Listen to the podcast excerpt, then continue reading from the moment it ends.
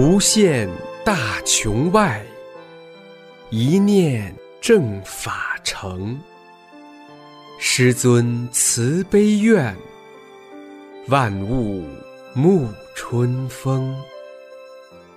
请听明慧专题《一师恩》。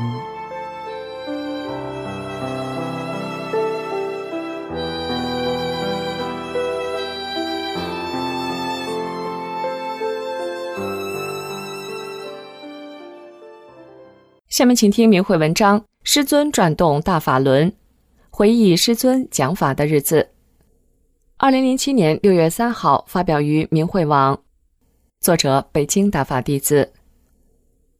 到零七年三月十四号为止，我已经得法修炼十三年了。参加过一九九四年师尊在天津第二期、长春第七、第八期、济南第二期讲法班。作为有幸得到师尊亲授的大法弟子。有责任将师尊当年传法的点点滴滴记录下来，向未来宇宙的众生和世人见证师尊正法的辉煌历史。今天是四月初八，师尊的生日，谨以此文作为弟子敬献给师尊的生日礼物，唯愿以一颗最纯净的心赞颂师尊。一，师傅给我下法轮。得法前的那几年，我的人生旅途走到了最低谷，觉得活着像具行尸走肉，一点意义都没有，苦不堪言。冥冥中有人告诉我，只有修炼才是我此生来到人世间的唯一目的。可是我苦苦等待了多年，到寺庙中、各种经书中、气功中四处寻找，苦于找不到师傅，得不到如何修炼的真谛。直到一九九三年末，一位朋友给我介绍了《中国法轮功》这本书，我一看就觉得特别称心、舒服，认定这是一部高德大法，决定就跟这一门的师傅修炼真善忍大法。听说天津第二期传法班就要开班了，我立即报上名。那时候新学员都要填一个报名表，写上身体有什么病等个人基本情况。我想了想，自己也没什么真正的病。就是觉得浑身哪儿都不舒服，我不是为了治病来的，于是，在备注栏中郑重地写下这样一段话：此生最大的愿望就是修正法、得正果、度己度人、普度众生。这是我当时心里最想跟师傅说的一句埋藏了多年的真心话。一踏上开往天津的火车，我的心情就无缘无故地变得轻松高兴起来。多年的忧愁和苦恼，奇怪的一下子跑得无影无踪。尤其是踏上天津这块土地后，更是感到自己已身处佛光普照的一片祥和的场中。为了离师傅讲法的八一礼堂近一点儿，我们在天津警备区招待所住下了。这是家很普通的招待所，一个床位二十元。听说师傅和女儿就住在这个招待所四层的一个房间。第一天上课前，我和一位同伴去招待所食堂吃晚饭。食堂的饭菜很简单，只有四个清炒的素菜，几乎没什么油水。当时食堂里人很少，我俩在厨房门边一张桌子旁刚一坐下，就见从厨房门里健步走出来一个高高大大、二三十岁模样的年轻人，一下子就站在了我们这张桌子旁，与我只隔一个座位。我心里一惊，这不是师傅吗？师傅穿着一件简单得体的浅色上衣，身体好像放着光那样引人注目。师傅一手端着一小碗米饭，一手端着一盘素炒豆芽，坐下来静静地吃起来。看到师傅吃住这样简单清淡，我顿时感到这位师傅不一般，清静正派的，令人肃然起敬。还没听师傅讲法的我，那时什么都不懂，只是心怀敬畏地埋头吃着。忽然，我感到小腹一阵往下坠的微疼，便轻声告诉同伴。可我们都觉得来天津这一天吃的很清淡、很卫生，不会吃坏肚子。师傅听着我们的谈话，没吱声，很快吃完就走了。我们也赶快吃完去礼堂听课。师傅开讲后不久说：“今天给大家下法轮，让大家摊开一只手的手心，感受一下。”这时，我的小腹又一阵那种往下坠的微痛，还有旋转的感觉。我恍然大悟，原来刚才吃饭的时候，师傅已经给我下法轮了呀。后来我对“如来下世必悄悄然”这句话体会特别深切。大觉者在一走一过中就把人救度了。二，我找到师傅了。我在上大学的时候养成了一种怀疑和批判一切理论和学说的思维习惯，可是听师傅讲法的第三天，心中筑起的这道堤坝就全线崩溃了。心想，这个师傅的智慧简直太大了，用人的想象根本不可度量，简直是在给我们讲宇宙的事情和历史，都是超出常人知识的法理。第二天，师傅讲天目时，我的天目就开了。不经意中，时常看到讲台上的师傅是一尊巨大的佛，双目放射出金光。可是，当我想动视神经看得更清楚些时，却看不到了。看到的就是这个空间，身着西服、平易近人的师傅。第三天晚上下课后，我只有一个念头，就是发自内心的想给师傅行五体投地的大礼。好像不这样就不足以表达对师尊的感激和崇敬。我明白了，这就是我一生苦苦在等待和寻求的。原来这宇宙的根本真的是存在的。想起得法前那几年的某一天，练气功中入定了，心中油然升起一念：谁是我的师傅？我的师傅在哪儿？脑海中竟然浮现出一位觉者打坐的剪影。冥冥中，一个声音回答我：“四十多岁，是个男的。现在台上讲法的就是我的师傅啊！我终于找到师傅了。我在心中一遍一遍默默地呼唤着：‘师傅，师傅！’莫名的泪水止不住地往下流。第四天，就在我本性完全复苏过来的时候，我上街后回住处，招待所楼里静静的，大家都在午休。我刚上到二楼楼梯的一半，就见师傅从楼上下来，正好和我走了个照面。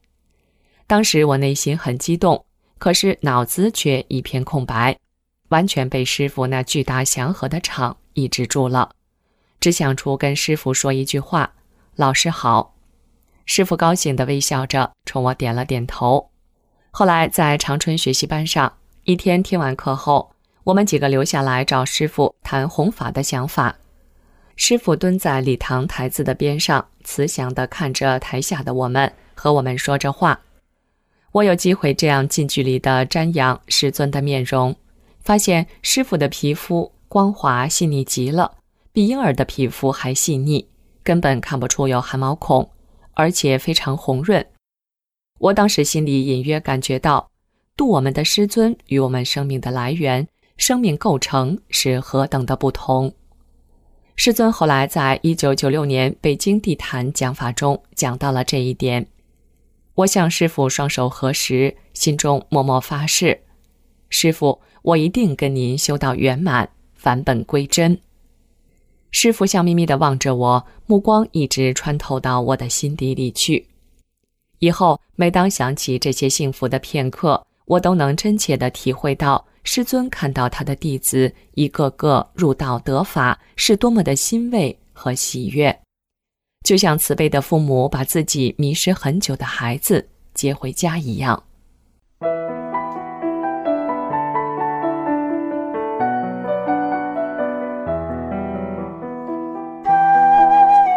您现在收听的是明慧专题《易师恩》。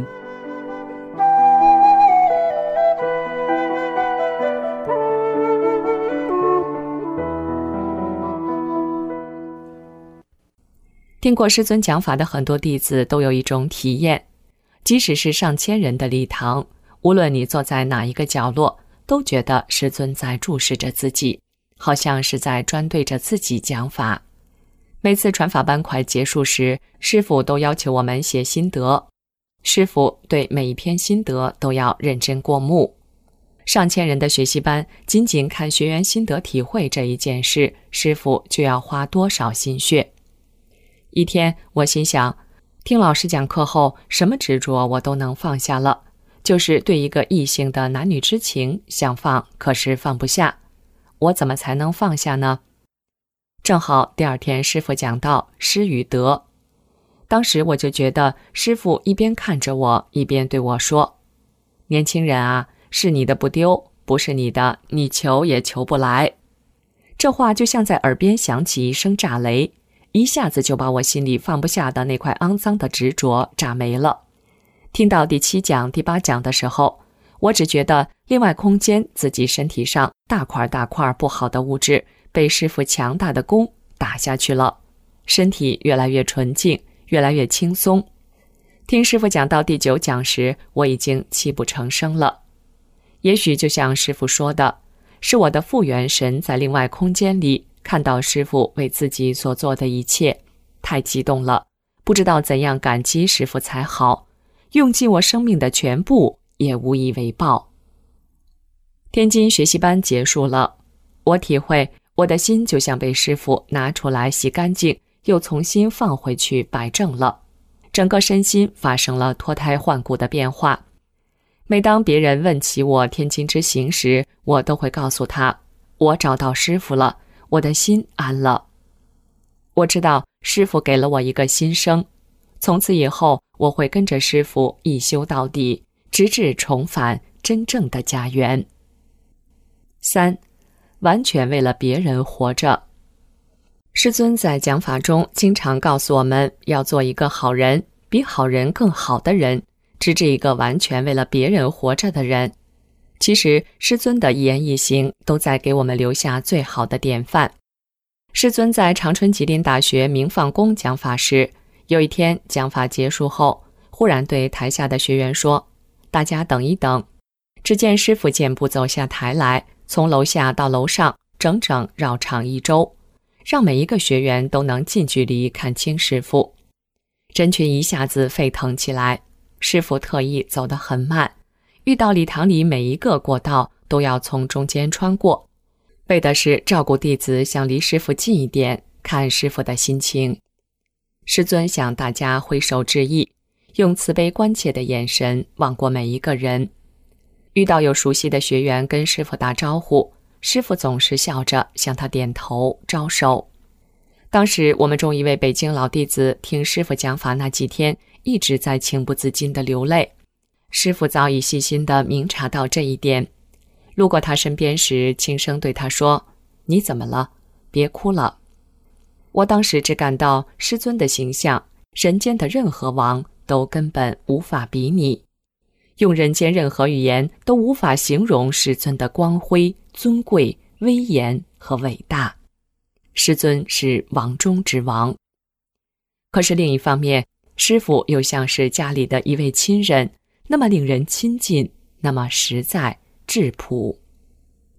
长春第八期讲法最后一天，师傅听说我们北京来的一部分学员订了当天晚上的火车票返京。为了照顾到有些学员要赶回去上班，火车票不好买，又能让我们从始至终参加上完整的一期传法班。师傅特意将最后一天的答疑课提前一两个小时来上。师傅处处为了别人着想、为学员着想的例子很多很多，在每一期传法班上都有发生。每期传法班结束，学员们上台给师傅敬献锦旗时，师傅都站在台子的一侧，微笑不语，那慈祥的神态就像慈父慈母。每当有学员流着泪，握着师傅的手，说着感激不尽的话，甚至要给师傅磕头时，师傅的眼圈都会发红，眼里含着慈悲怜悯的目光，时时让我们发自内心的感佩：师傅怎么这么好啊！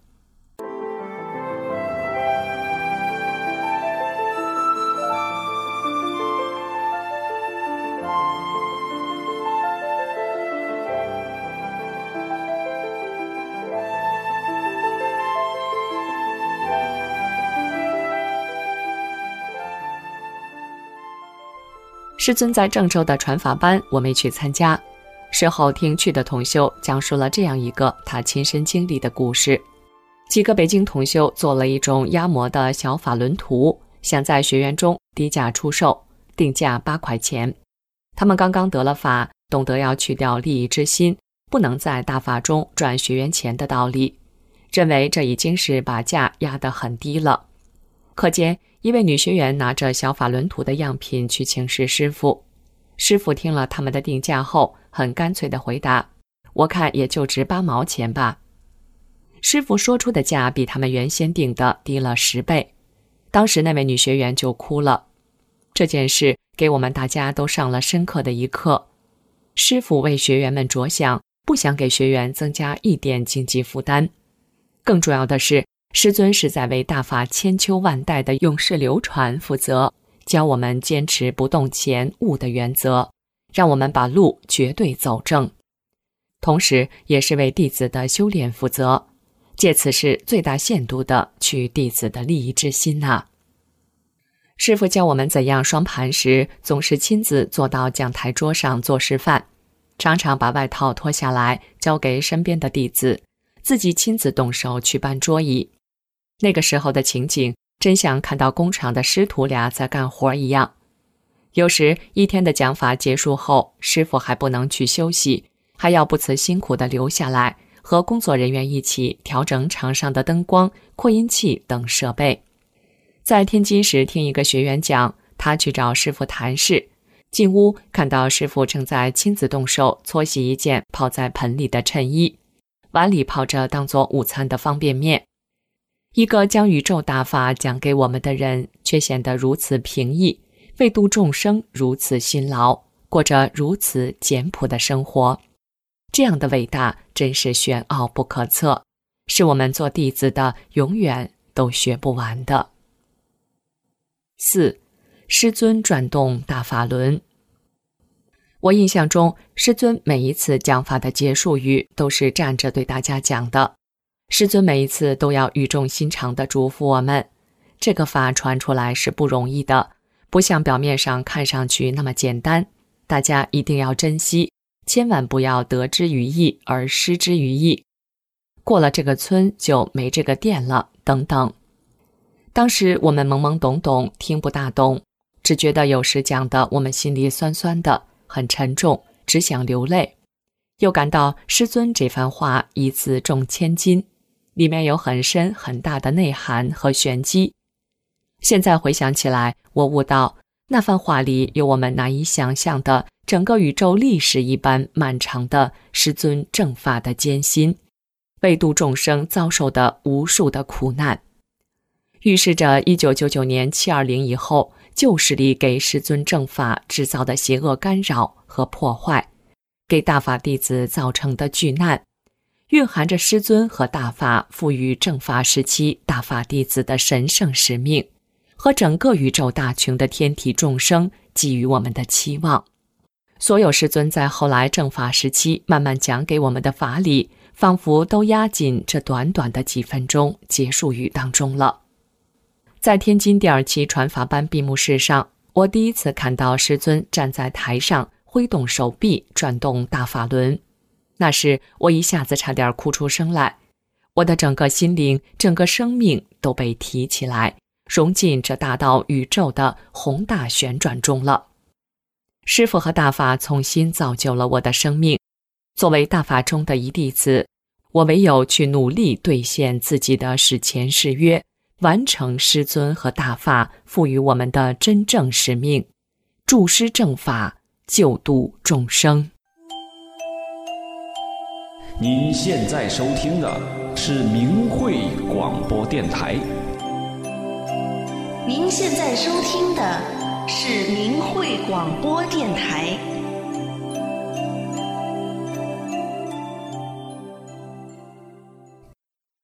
请听明慧易师恩专题文章，题目是《得法一线牵，十年转瞬间》，即参加李洪志师傅两次传法班的点点滴滴。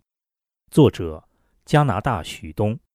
文章发表于明慧网，二零零四年五月十二日。从一九九三年第一次在杂志上看到“法轮功”这三个字，到现在，十一年已经过去了。回想在得法之初的日子里所经历的点点滴滴，却一直留在脑海中，愈久弥深。一九九三年，我在湖北武汉的大学求学之时，看到了杂志上关于法轮功的介绍文章。那时的我一下子就被吸引住了，不知为什么，内心有说不出的欣喜和兴奋。但兴奋之余也很着急。我在武汉该找谁联系呢？好在文章的结尾留下了当时北京法轮功研究会联系人王志文的通信地址。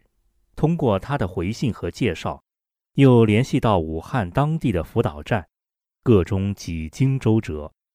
八月份，我终于找到了位于汉口的武汉辅导站。回想起来，当从武汉辅导站站长手中接过第一本法轮功时，那时的我还的确不能真正的知道我所得到的到底是什么。第一次参加师傅传法班，大约是一个月后，也就是一九九三年的九月，接到武汉辅导站徐站长的电话，说师傅将要来武汉办法轮功培训班，这是第二期武汉传法班，九月二十五日正式开始。地址是在中南财经大学的一个礼堂，这是一个为期八天的学习班，也是我第一次见到师傅。记忆中，师傅很和蔼，穿得很朴素，短袖白衬衣和长裤。师傅一直在讲台上讲法，还记得自己当时听法的感觉，听到师傅讲了好多好多从来没有听过的，有的明白，有的不太明白，有的相信。有的不太相信，但当时思想中就一个认识：法轮功好，我要好好修。师傅每天课上讲完法后，就开始教授或复习五套功法，并下台来亲自纠正学员的动作。记得师傅有一次在课上说，让大家体会一下法轮的旋转，让大家把手掌心向上放在胸前。只见师傅在讲台上把手向大家一挥，真的在手掌心上有旋转的感觉。当时觉得奇妙极了。清理身体的过程，我的感觉很小，也许是身体上没有什么太大的问题。但是在整个八天学习班的中后期，思想业的干扰却非常大。当然是后来才知道那是思想业。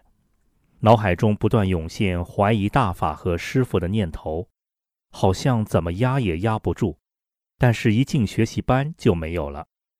十月二日，学习班最后一天的讲课后，看到师傅打大手印，心中感觉到一种无法描述的美妙。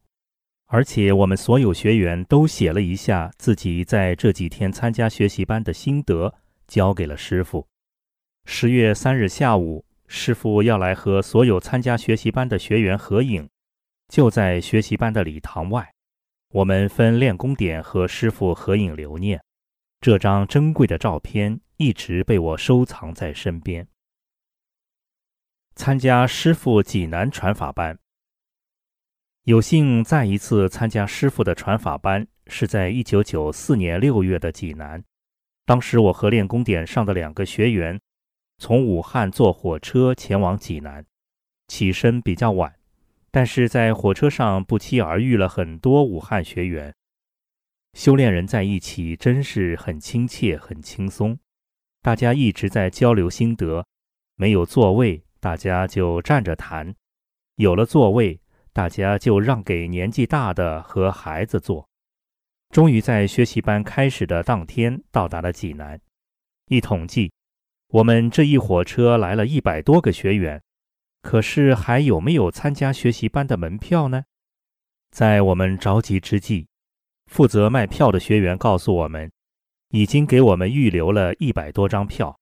至于是谁，怎么知道我们会有一百多个学员要从武汉赶来？现在我也不太清楚。我参加的这次是济南第二期法轮功学习班。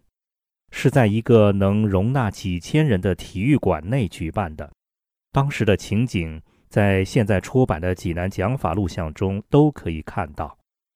能够再一次参加学习班，聆听师傅的讲法，使我倍感亲切和珍惜。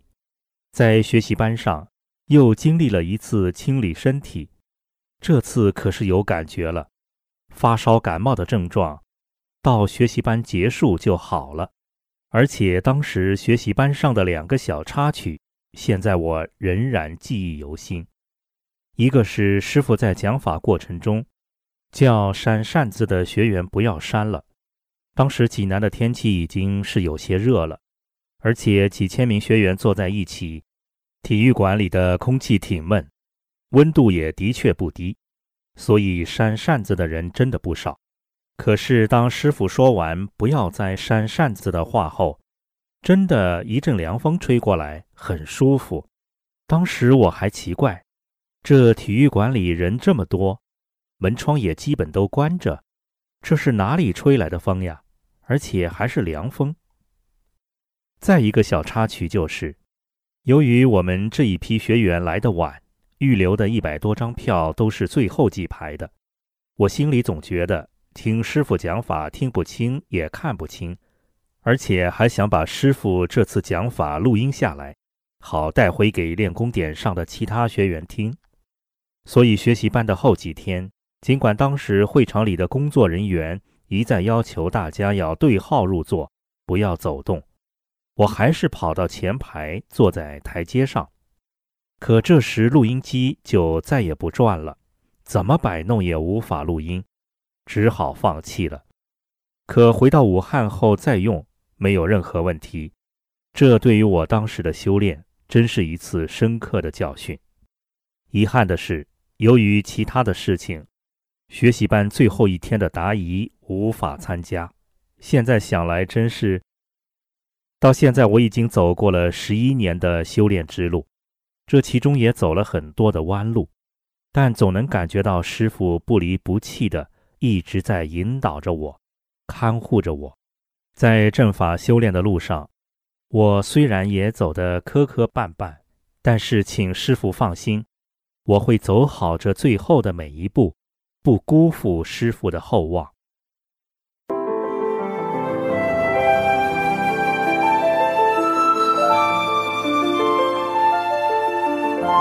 您现在收听的是明慧专题《易师恩》。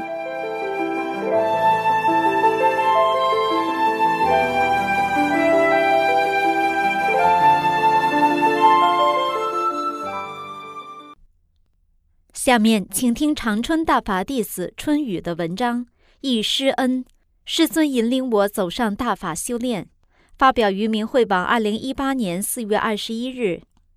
我是一九九二年开始修炼法轮大法的学员，多次见过师傅，并且聆听师傅的教诲。我一直想把那段经历写出来和同修分享，今天终于完成了我的心愿。一，师傅为我去病。我今年八十一岁了，是师父的慈悲救度，才使我的生命延长至今。师父的救度之恩无以言表。听母亲说，我很小的时候得了好几年的中耳炎，在出麻疹时又得了风流眼。四八年共产邪党围困长春，饿死老多人，我也差点饿死，得了胃病。四九年因经济困难，租了一个四处漏风的小泥土房，又得了风湿病。结婚以后，怀孕七个月时得了肾盂肾炎，治也治不好，身体抵抗力越来越差。平时容易感冒不说，又添了偏头痛、低血压、鼻窦炎、类风湿、多种妇女病、慢性阑尾炎、骨质增生等十八种病之多。到农村插队，又差点死在那里。回城后，打针吃药都成了家常便饭，时常住院，什么活都干不了。全部家务，包括带孩子，都是我丈夫一个人干。自从出现气功，我就开始寻找能治病的功法。经过练了六种功法，虽然有些效果，但感觉都没有从根本上去病。后来，在一个朋友的带动下，进入了佛教，吃了三年全素食。信佛教也未能治好病，还不让练功。我想要是不练功，就没法治好病，很是为难，心理压力也很大。一九九二年九月，师傅到吉林大学来创建练功点。当时早上，我们在吉林大学牡丹园晨练，听说有气功师给吉大老师调病，我们也都去了。师傅说今天只给你们每人去一个病，要想彻底好病，就练法轮功。当时师傅已经给那么多人调完了病，我问辅导员，问一下老师能否给我们三人调下病。师傅答应了。我有左侧肩周炎，胳膊有几个月都抬不起来了，对生活影响很大，治也治不好。师傅几下子就给我治好了。师傅在给有的人在治病时，辅导员还拍了照，当时也给我拍了照。当时我光顾了高兴，一直都没想起来要这张照片，至今想起来就感到万分遗憾。而师傅调理过的这只胳膊，到现在一直都没有疼过。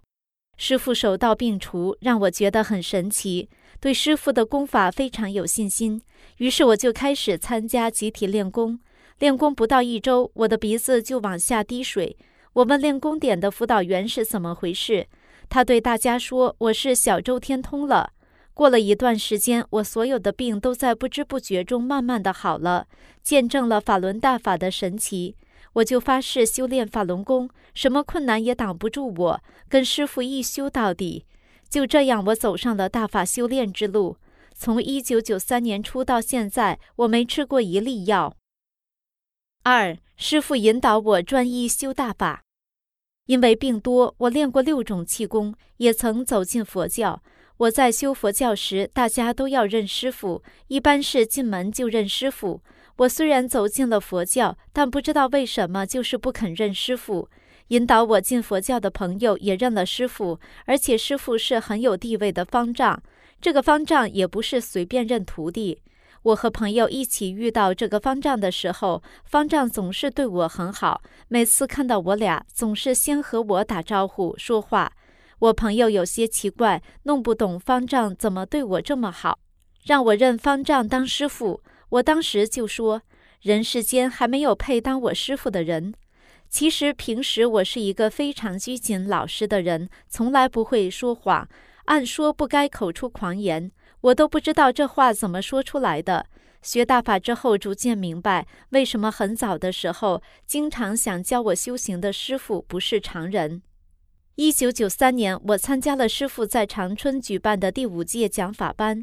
开始我还当做一般的气功，但听着听着就感觉到师傅和别的气功师不一样，人和蔼可亲，平易近人，朴素端庄。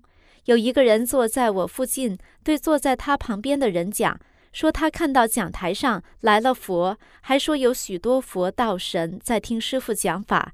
我对这个人的话没有怀疑，觉得师傅肯定不是一般人，也许是更高的佛呢。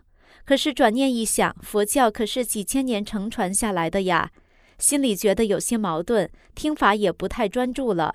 当师傅讲到不二法门的时候，说不能既修佛教又练法轮功，只能选定一法门去修。九讲讲完了，师傅给学员答疑，我把这个问题提交上去了，可是师傅没有给解答，我不放心，于是就找辅导员请求和师傅单独谈谈，师傅同意了。就在回家的路上，师傅来到我身边，和我边走边聊了起来。我把关于对不二法门的疑惑请师傅开示。师傅对我说：“你看庙里还行吗？真佛都走了，佛像都叫附体给占了，住持上殿念经都打瞌睡，管功德箱的人偷拿功德箱里的钱，胡乱开光。你看他们谁是真修的？庙里还是净土吗？”其实庙里很多不好的事，师傅都知道。一路上，我亲耳聆听了师傅的开示。师傅的话说的真对，这也让我想起了以前经历的一件事情。一次，那个领我进佛门的姐妹和我去大庙时，庙门旁有一尊一米八高的观音菩萨像。她觉得自己的名字不好，让我问问观音菩萨，改下名字行不行？我和他来到观音菩萨像前，闭目合十，念观音咒语。不一会儿，观音菩萨就下来了。民间传说，观音菩萨穿的衣服是白色的，可是这个观音菩萨穿的却是古铜色的衣服。我当时非常奇怪。第二天就有人跟我说，观音像下面趴着个狐狸精，这不和师傅说的庙里面的佛像都让附体给占了，对上号了吗？我深深地感觉到，只有师傅才是最高的佛，才能救度众生。得正法也存在着干扰和考验。相处比较好的另外两个修佛的姐妹又拉我去修某某法门，碍于面子，我很不情愿的去了。他们有个考核面试，问我平时吃什么。那时候我给弟弟打工，帮他看铺面。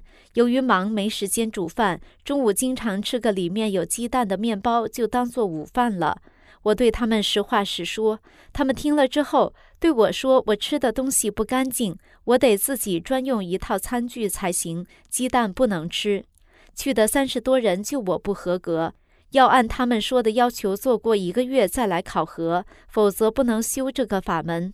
我听了，心里高兴的不得了。我觉得这一下可让我解脱了。我就是法轮功的人，和什么某某法门或其他什么法门都没有关系。过几天，那两个领我进佛门的姐妹又来找我说庙里不行了，在家有个修的非常好的，硬拽我去他家。我不去。他俩就在门口等着我，不让我参加法轮功学习班，还说我修佛修得好，放弃就白瞎了等等。我只好跟他们去了。到了那个人的家一看，是个厂长夫人，住房是三室一厅，专门用一间屋子做佛堂，供了很多佛像，很多人都去他家烧香、磕头、拜佛。我去了之后，出于礼貌，只是核实一下，就出来了。在回来的路上，他俩问我怎么样，我说不怎么样。走到一个地名叫地质宫这个地方时，我突然间看到了另外空间的景象，有庙宇、树木，非常好看美妙。同时，耳朵里响起了法轮功练功的音乐声，声音很大。我对他俩说了我看到的、听到的之后，他们两人同时说：“你就是法轮功那一法门的了，咱们各修各的吧，以后再也不拽你了。”晚上我做了一个梦，梦到我们三个人在天上飞，飞得很高。到了一个三岔路口，我对他俩说：“你们去极乐世界吧，我去法轮世界了。”我把这个梦告诉了他俩，他们也挺高兴。从此我真正修炼法轮大法了，我也认定了李洪志师傅才是我真正的师傅。我要紧跟师傅一修到底，圆满随师还。我把师傅的经文用纸恭恭敬敬地写好，贴在墙上。非是修行路上苦，生生世世业力阻。恒心消业修心性，永得人身是佛祖。选自《红银因果》。从那以后，我不仅坚定修炼法轮大法，我还自豪地对以前佛教中的姐妹们赞叹法轮大法。我真的知道什么是修炼，什么是重德修心性。我的丈夫也支持我说，法轮功的好处是其他法门没有的，既能健身，还能修佛，哪一法门都比不了。长春第七期讲法班第十天，也是最后一天。师傅讲完课，我站在台前过道上，师傅一直看着我。我想大概是我坚定修炼大法的心受到师傅的肯定。后来经常想起那一刻，每当想起来时，就升起幸福感，就增加了修炼的正念。大法弟子和大法师父圣缘种下了，这正是师徒不讲情，佛恩化天地。选自《红银二》，师徒恩。三师傅给我去除附体。如果我没遇到师傅讲法传功，我真不知道自己会怎么样。也许早就一命呜呼了。因为我有附体，但我自己不知道。修大法前，我会说宇宙语，我自己也不知道说的是什么。我还能给人看病。有个女士常去我修大法前的那个练功点，说她丈夫供佛，因没得到保佑，她就把佛像摔了，有病住院了。一次，她又来看我们练功，练完功，有的人已经走了，他突然晕倒了，我就用宇宙语给他治好了。那时候我似乎还有点预测功能。之前领我进佛门的那个妹妹，她妈妈得了重病，七八天没吃东西。有人给看过，说差不多就在这个时候该死了。这个妹妹请我去她家，我告诉她说我不用去，你妈死不了。他妈真的没有死，又活了好多年。中国从文革中期就开始有气功，气功师看病的很多，有不少都是附体在看病。我妹妹有病了，别人给介绍了一个能看事的人，说这个人有点本事。妹妹叫我先去帮她看看这个人究竟怎么样。我找到她家，进屋看到这个人是个老太太。她指着我对她女儿说：“你这个大姐不错，带观音菩萨来的。”我进屋看了看，知道他们家供着佛像和所谓的仙家附体，可佛像都被附体占了，不是什么正道的。我说明来意是替我妹妹来看病，她说不行，必须本人亲自来才给看。我要走了，她莫名其妙地拜了我三拜，边拜边说谢谢佛祖。我过去偶尔能给人治病，是附体起的作用。我认识到这点后，决心不再给人治病了。师傅看到我有了这个正念，就来帮助我彻底清除附体。辅导员告诉我，我们练功抱轮时，师傅来了，直奔我去，在我头上抓了几把甩掉。当时我自己并不知道，辅导员一说，我明白了，是师傅来给我彻底清除附体。我心里确信，从此我身上的附体永远不会再有了。师傅看护着我，要不然我的命都会被附体拿去了。有的气功师给人看病，结果下场很惨，其实都是被附体所害。我庆幸自己得了法轮大法，可以珍惜这个宝贵的人体，可以有机会学大法，能够修炼大法，我真是无比幸运。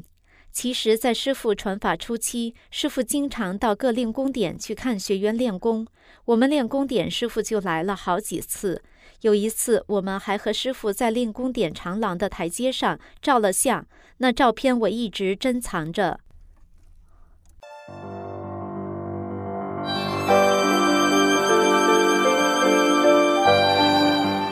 这一期的易师恩就到这里，谢谢收听。